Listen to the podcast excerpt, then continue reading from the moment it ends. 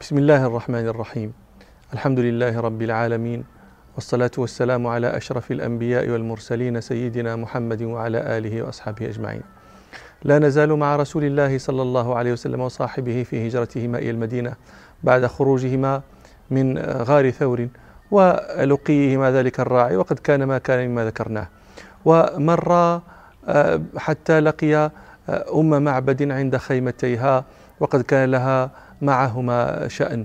روى الحاكم في مستدركه بإسناد حسن أن رسول الله صلى الله عليه وسلم لما هاجر إلى المدينة وأبو بكر رضي الله عنه وعامر بن فهيرة مولى أبي بكر ودليلهما الليثي عبد الله بن أريقط مروا بخيمتي أم معبد وكانت امرأة برزة جلدة.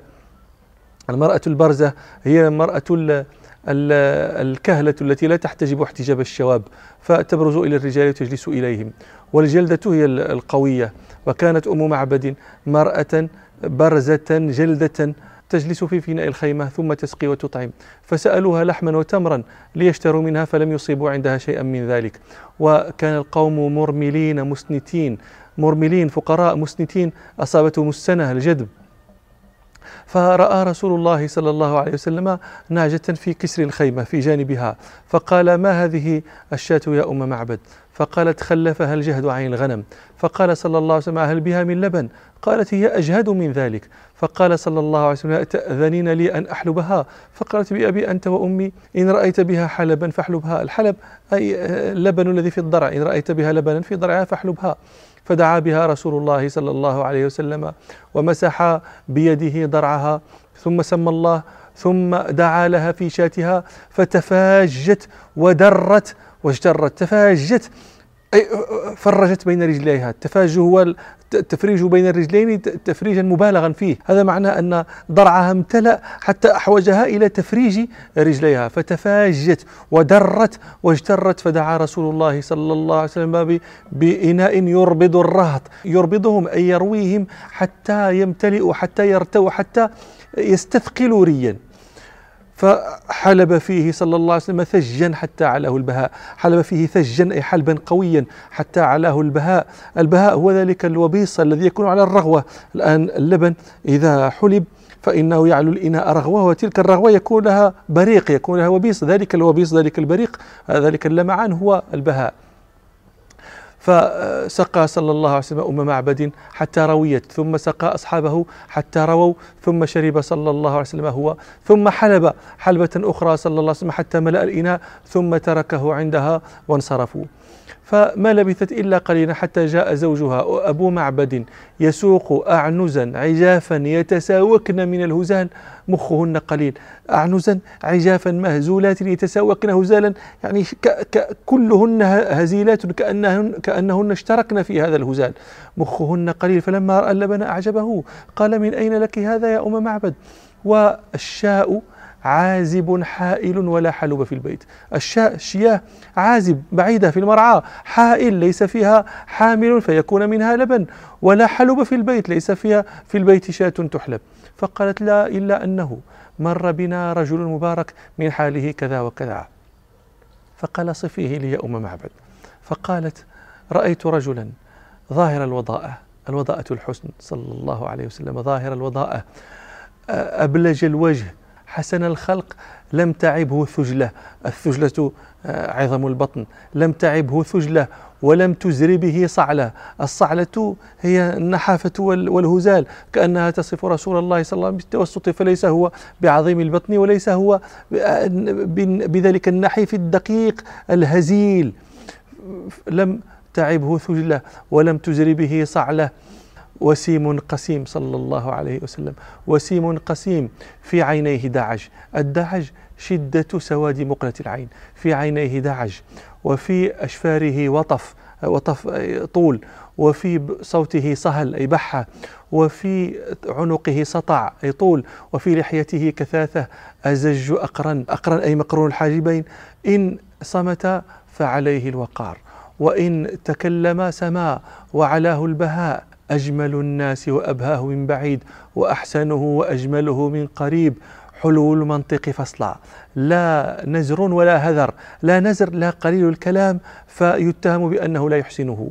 ولا ولا هذر أي ليس ليس كلامه هذرا كثيرا فاسدا. كأن منطقه خزرات نظم يتحدرن. صلى الله عليه وسلم. ربعة يعني متوسط. لا تشنأه من طول لا تبغضه لفرط طوله ولا تقتحمه عين من قصر لا تزدريه وتحتقره لقصره. آه، غصن بين غصنين أنظر الثلاثة منظرا وأحسنهم قدرا. صلى الله عليه وسلم تقول له رفقاء يحفون به. إن قال سمعوا قوله وإن أمر ابتدروا أمره محشود محفود أي مخدوم معظم لا عابس ولا مفند. فقال لها زوجها يا أم معبد هذا والله صاحب قريش الذي بلغنا من أمره ما بلغنا وقد كنت أريد أن أذهب معه ووالله لأفعلن إن وجدت إلى ذلك سبيلا. ثم سمع صوت مكة صوتا عاليا يسمعونه ولا يدرون من هو يقول جزى الله رب العرش خير جزائه. رفيقين حلا خيمتي أم معبدي هما نزلاها بالهدى واهتدت به فقد فاز من أمسى رفيق محمد صلى الله عليه وسلم. فيا لقصي ما زوى الله عنكم به من فعال لا يجارى وسؤدد وفي رواية من فخار لا يجارى وسؤدد ليهني أبا بكر سعادة جده بصحبته من يسعد الله يسعد ليهني بني كعب مقام فتاتهم ومقعدها للمؤمنين بمرصد سلوا أختكم عن شاتها وإنائها فإنكم إن تسألوا الشاة تشهدي دعاها بشاة حائل فتحلبت له بصريح ضرة الشاة مزبدي فغادره رهنا لديها لحالب يرددها في مصدر بعد موردي فبلغت هذه الأبيات حسان بن ثابت رضي الله عنه فقال في إجابتها ولا الأظهر أنه قال ذلك بعد أن أسلم. لقد ضل قوم زال عنهم نبيهم صلى الله عليه وسلم. لقد ضل قوم زال عنهم نبيهم وقدس من يسري إليهم ويغتدي قدسوا أي طهروا لأنهم آه، مطهرون باتباعهم رسول الله صلى الله عليه وسلم. وقدس من يسري إليهم ويغتدي ترحل عن قوم فضلت عقولهم وحل على قوم بنور مجدد. هداهم به بعد الضلالة ربهم فأرشدهم من يتبع الحق يرشد. وهل يستوي ضلال قوم تسفهوا؟ عما وهداة يهتدون بمهتدي. صلى الله عليه وسلم.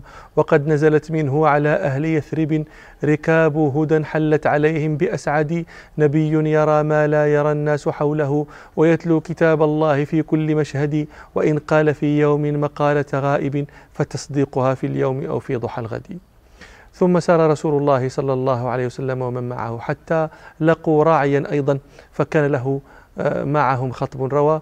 الحاكم وأبو يعلى والبزار عن قيس بن النعمان قال لما انطلق رسول الله صلى الله عليه وسلم وأبو بكر مستخفيين مرا بعبد يرعى غنما؟ فاستسقياه لبنا فقال ما عندي حلوبة إلا انها هنا عناقا. حملت في أول الشتاء فأخدجت. أخدجت أي ألقت ما في بطنها مخدجا ناقصا ناقص الخلق إلا انها هنا عناقا. أخدجت. وما بقي لها لبن؟ ف قال له رسول الله صلى الله عليه وسلم ادعو بها. فدعا بها فاعتقلها النبي صلى الله عليه وسلم ومسح درعها ودعا حتى أنزلت. فجاء أبو بكر رضي الله عنه بمجن فحلب فيه صلى الله عليه وسلم وسقى أبا بكر وحلب صلى الله عليه وسلم وسقى الرعي ثم حلب فشرب صلى الله عليه وسلم. فقال له الرعي بالله من أنت؟ فوالله ما رأيت مثلك قط. فقال صلى الله عليه وسلم أتراك تكتم عني حتى أخبرك؟ فقال نعم. فقال فأنا محمد رسول الله صلى الله عليه وسلم. فقال العبد أنت الذي تزعم قريش أنه صابئ؟ فقال صلى الله عليه وسلم إنهم ليقولون ذلك. فقال الراعي فأشهد أنك نبي وأن ما جئت به حق وأنه لا يفعل ما فعلت إلا نبي وأنا متبعك. فقاله رسول الله صلى الله عليه وسلم إنك لا تقدر على ذلك يومك فإن بلغك أني قد ظهرت فأتنا. ومدى رسول الله صلى الله عليه وسلم وأصحابه. هذا ما كان يقع في الطريق. أما في المدينة فقد بلغ المسلمين فيها مخرج رسول الله صلى الله عليه وسلم. في البخاري أن المسلمين بلغهم مخرج رسول الله صلى الله عليه وسلم من مكة. فكانوا يخرجون في كل غداة إلى الحره فينتظرونه حتى يردهم حر الظهيرة. مكثوا على ذلك دهرا ثم إنهم يوما انقلبوا بعدما أطالوا انتظاره فلما أووا إلى بيوتهم أوفى رجل من يهود على أطم من آطامهم لأمر ينظر إليه. أو فطلع على إلى مكان عال في على أطم من أطامهم الأطم الحصن لأمر ينظر إليه. فبصر برسول الله صلى الله عليه وسلم وأصحابه مبيضين يزول بهم السراب. مبيضين أي عليهم ثياب بيض. آه، يزول بهم السراب وهنا قد نتساءل كيف تكون ثيابهم بيضاء؟ وهم منذ أيام يسيرون إلى المدينة وليسوا آه، مسافرين إلى المدينة في سيارات نظيفة مكيفة بل يرتحلون رواحل في وهج الشمس فيصيبهم من لفحها وريحها وغبار التراب وعجاج حوافر الدواب والعرق. وهذه كلها أمور تزيل بياض الثياب. فكيف يكونون مبيضين؟ الجواب أن آه، البخاري نفسه روى أن رسول الله صلى الله عليه وسلم لما دنا من المدينة لقي ركبا من المسلمين آه، تجارا كانوا في الشام كانوا قافلين فيهم الزبير. فكس الزبير رسول الله صلى الله عليه وسلم وأبا بكر ثيابا ثياب بياض فهي هذه. قال فبصر برسول الله صلى الله عليه وسلم وأصحابه مبيضين يزول بهم السراب. فلم يملك أن قال بأعلى صوته يا معاشر العرب هذا جدكم الذي تنتظرون. انظروا إلى هذا هذا اللفظ. جدكم الذي تنتظرون. الجد. في لسان العرب يطلق لمعان يرد ويراد به الحظ ويرد ويراد به السعد ويرد ويراد به العظمة. ورسول الله صلى الله عليه وسلم هو كل ذلك بالنسبة للمسلمين. رسول الله صلى الله عليه وسلم هو حظنا هو سعدنا هو سبب عظمتنا صلى الله عليه وسلم. ومهما طلبنا ذلك في غير هذا المحل ضل سعينا وشالت نعامتنا ونحن وإن لم ندركه صلى الله عليه وسلم فقد أدركنا تركته فها هي بين أيدينا. فإن لم نصحب نفسه فلنصحب نفسه صلى الله عليه وسلم ففي ذلك السعد والحظ والعظمة. قال ذلك اليهودي يا معاشر العرب هذا جدكم الذي تنتظرون فثار المسلمون فاستقبلوه صلى الله عليه وسلم عند الحرة فمال بهم صلى الله عليه وسلم ذات اليمين إلى بني عمرو بن عوف بقباء. وذلك يوم الاثنين في شهر ربيع الأول. فجلس رسول الله صلى الله عليه وسلم صامتا وقام أبو بكر للناس فطفق من يأتي من الأنصار ممن لم يرى رسول الله صلى الله عليه وسلم قبل يسلم على أبي بكر. يظنه رسول الله صلى الله عليه وسلم. حتى أصابت الشمس رسول الله صلى الله عليه وسلم فجاء أبو بكر فظلل عليه بردائه فحينئذ عرف الناس رسول الله صلى الله عليه وسلم ومكث رسول الله صلى الله عليه وسلم في بني عمرو بن عوف بضع عشرة ليلة وبنى المسجد الذي أسس على التقوى من أول يوم وهو مسجد قباء على قول عند العلماء وهو الذي يقول فيه ربنا سبحانه لمسجد أسس على التقوى من أول يوم أحق أن تقوم فيه فيه رجال يحبون أن يتطهروا والله يحب المطهرين. وصلى فيه رسول الله صلى الله عليه وسلم ثم ركب راحلته وانصرف نحو المدينة. فلما بلغها تنازع الناس فيه كلهم يحب أن ينزل عليه. روى ابن حبان عن البراء بن عازب رضي الله عنهما قال فتنازعه القوم. كل يريد أن ينزل عليه رسول الله صلى الله عليه وسلم. فقال صلى الله عليه وسلم أنزل الليلة على بني النجار أخوال عبد المطلب أكرمهم بذلك. فأرسل إليهم صلى الله عليه وسلم. روى البخاري ومسلم في صحيحيهما عن أنس رضي الله عنه قال ثم أرسل رسول الله صلى الله عليه وسلم إلى ملاء بني النجار فجاءوا متقلدين السيوف. قال فكأني أنظر إلى رسول الله صلى الله عليه وسلم على راحلته وأبو بكر ردفه وملأ بني النجار حوله. فدخلوا المدينة ففرح أهل المدينة بمجيئه صلى الله عليه وسلم فرحا عظيما.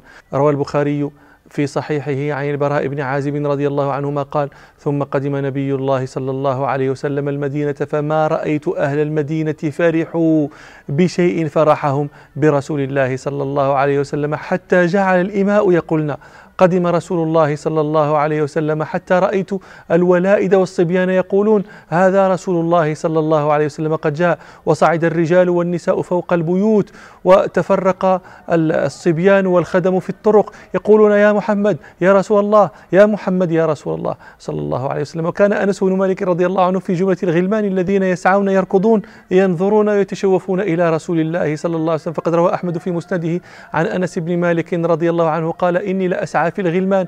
يقولون جاء محمد. قال فأسعى فلا أرى شيئا. ثم يقولون جاء محمد صلى الله عليه وسلم. قال فأسعى فلا أرى شيئا. حتى جاء رسول الله صلى الله عليه وسلم وصاحبه أبو بكر. فكمنا في بعض الحرار. الحرار جمع حرة هي حجارة المدينة.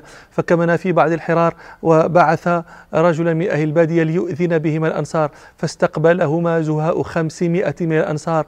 فانطلقوا حتى أتوهما. فقالوا لهما انطلقا آمنين مطاعين. فأقبل رسول الله صلى الله عليه وسلم وصاحبه بين أظهرهم فخرج أهل المدينة حتى إن العواتق لفوق البيوت يتراءينه يقولن أيهم هو أيهم هو. وأنا والله أتصور هذا المنظر العجيب العواتق المخدرات فوق آه، سقف بيوتهن يتراءينه ينظرن أيهم هو أيهم هو. كان يوما مشهودا. أما ما اشتهر من أنه صلى الله عليه وسلم تلقاه الولائي فجعلنا يقولن طلع البدر علينا من ثنيات الوداع وجب الشكر علينا ما دعا لله داع فإن هذا لم يجئ من وجه صحيح. سار رسول الله صلى الله عليه وسلم وسار الناس معه حتى بركت به راحلته في الموضع الذي فيه مسجد رسول الله صلى الله عليه وسلم اليوم المسجد القديم. وكان موضعا يصلي فيه بعض المسلمين كان مربدا للتمر. المربد الموضع الذي يجفف فيه التمر. يقال له مربد وأندر وبيدر وجرين كلها أسماء للمواضع التي يجفف فيها التمر. وكان لغلامين يتيمين في حجر أسعد بن زرارة سهل وسهيل. فلما بركت برسول الله صلى الله عليه وسلم راحلته قال هذا إن شاء الله المنزل وللحديث بقية. نذكرها في المجلس القادم إن شاء الله. سبحانك اللهم وبحمدك أشهد أن لا إله إلا أنت أستغفرك وأتوب إليك والحمد لله رب العالمين.